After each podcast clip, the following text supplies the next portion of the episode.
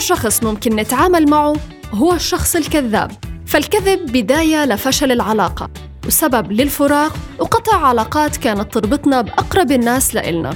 الكذب ما بيخفي الحقيقة بل بيأجل انكشافها.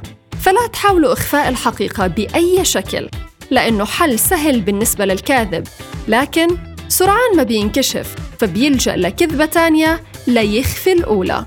طيب بالبداية خلونا نتذكر قول الرسول صلى الله عليه وسلم إن الصدق يهدي إلى البر وإن البر يهدي إلى الجنة وإن الرجل ليصدق حتى يكون صديقا وإن الكذب يهدي إلى الفجور وإن الفجور يهدي إلى النار وإن الرجل ليكذب حتى يكتب عند الله كذابا.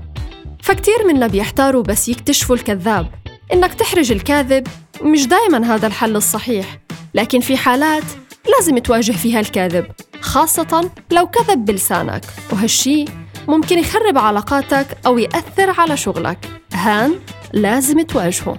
بالحالات الأقل ضرر أنت فيك تسمع للكاذب وتخلي بالك منه.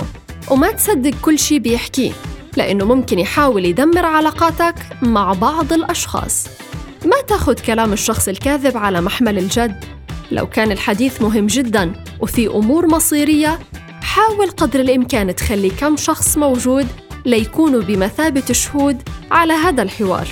ولو كان صعب هالشي حاول تتحاور معه عبر البريد أو الرسائل النصية ليكون بمثابة دليل قوي في حالة نكران أمر ما. كمان لا تجسر علاقاتك مع شخص كاذب.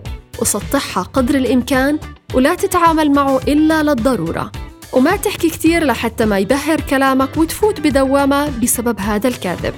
بالختام تذكروا إنه الكذب خطيئة مزدوجة. بتخفي بالغالب خلفها خطيئة أخرى أو حيلة أخرى مقبلة.